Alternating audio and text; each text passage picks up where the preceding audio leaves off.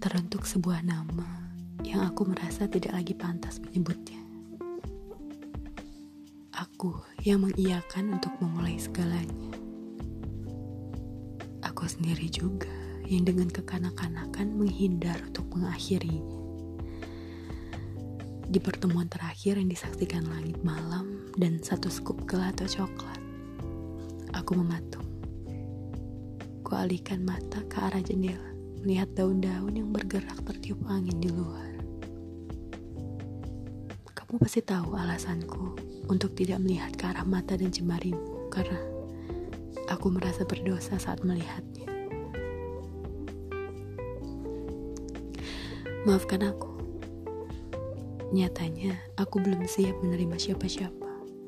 Aku penuh. Aku lelah. Aku sakit. Aku belum sembuh dan belum selesai dengan diriku sendiri yang rumit. Bahkan untuk meminta maaf secara langsung pun bibirku terasa kaku.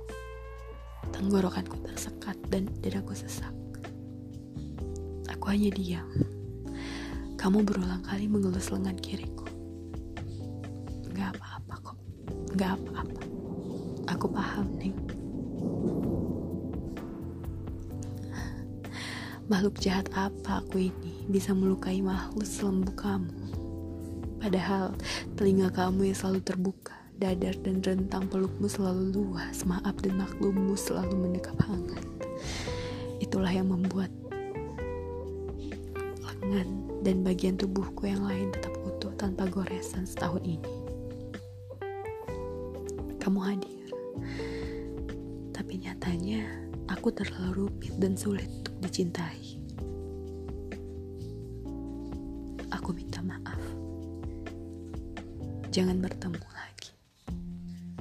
Aku bukan tidak ingin, tapi aku akan lebih menyesal saat aku tahu aku melukaimu lagi. Melihatmu seolah melihat luka itu kuciptakan sendiri dengan sengaja. Aku adalah luka yang memilih untuk membuat luka baru tepat di dada dan kedua matamu yang menatap lembut dan selalu menjadi tempatku berpulang. Tapi mungkin aku hanya datang, bukan benar-benar untuk pulang. Entahlah, aku tidak akan membela kesalahanku dengan beragam alasan. Sebab itu hanya akan membuat dosaku seolah halal. Maafkan aku.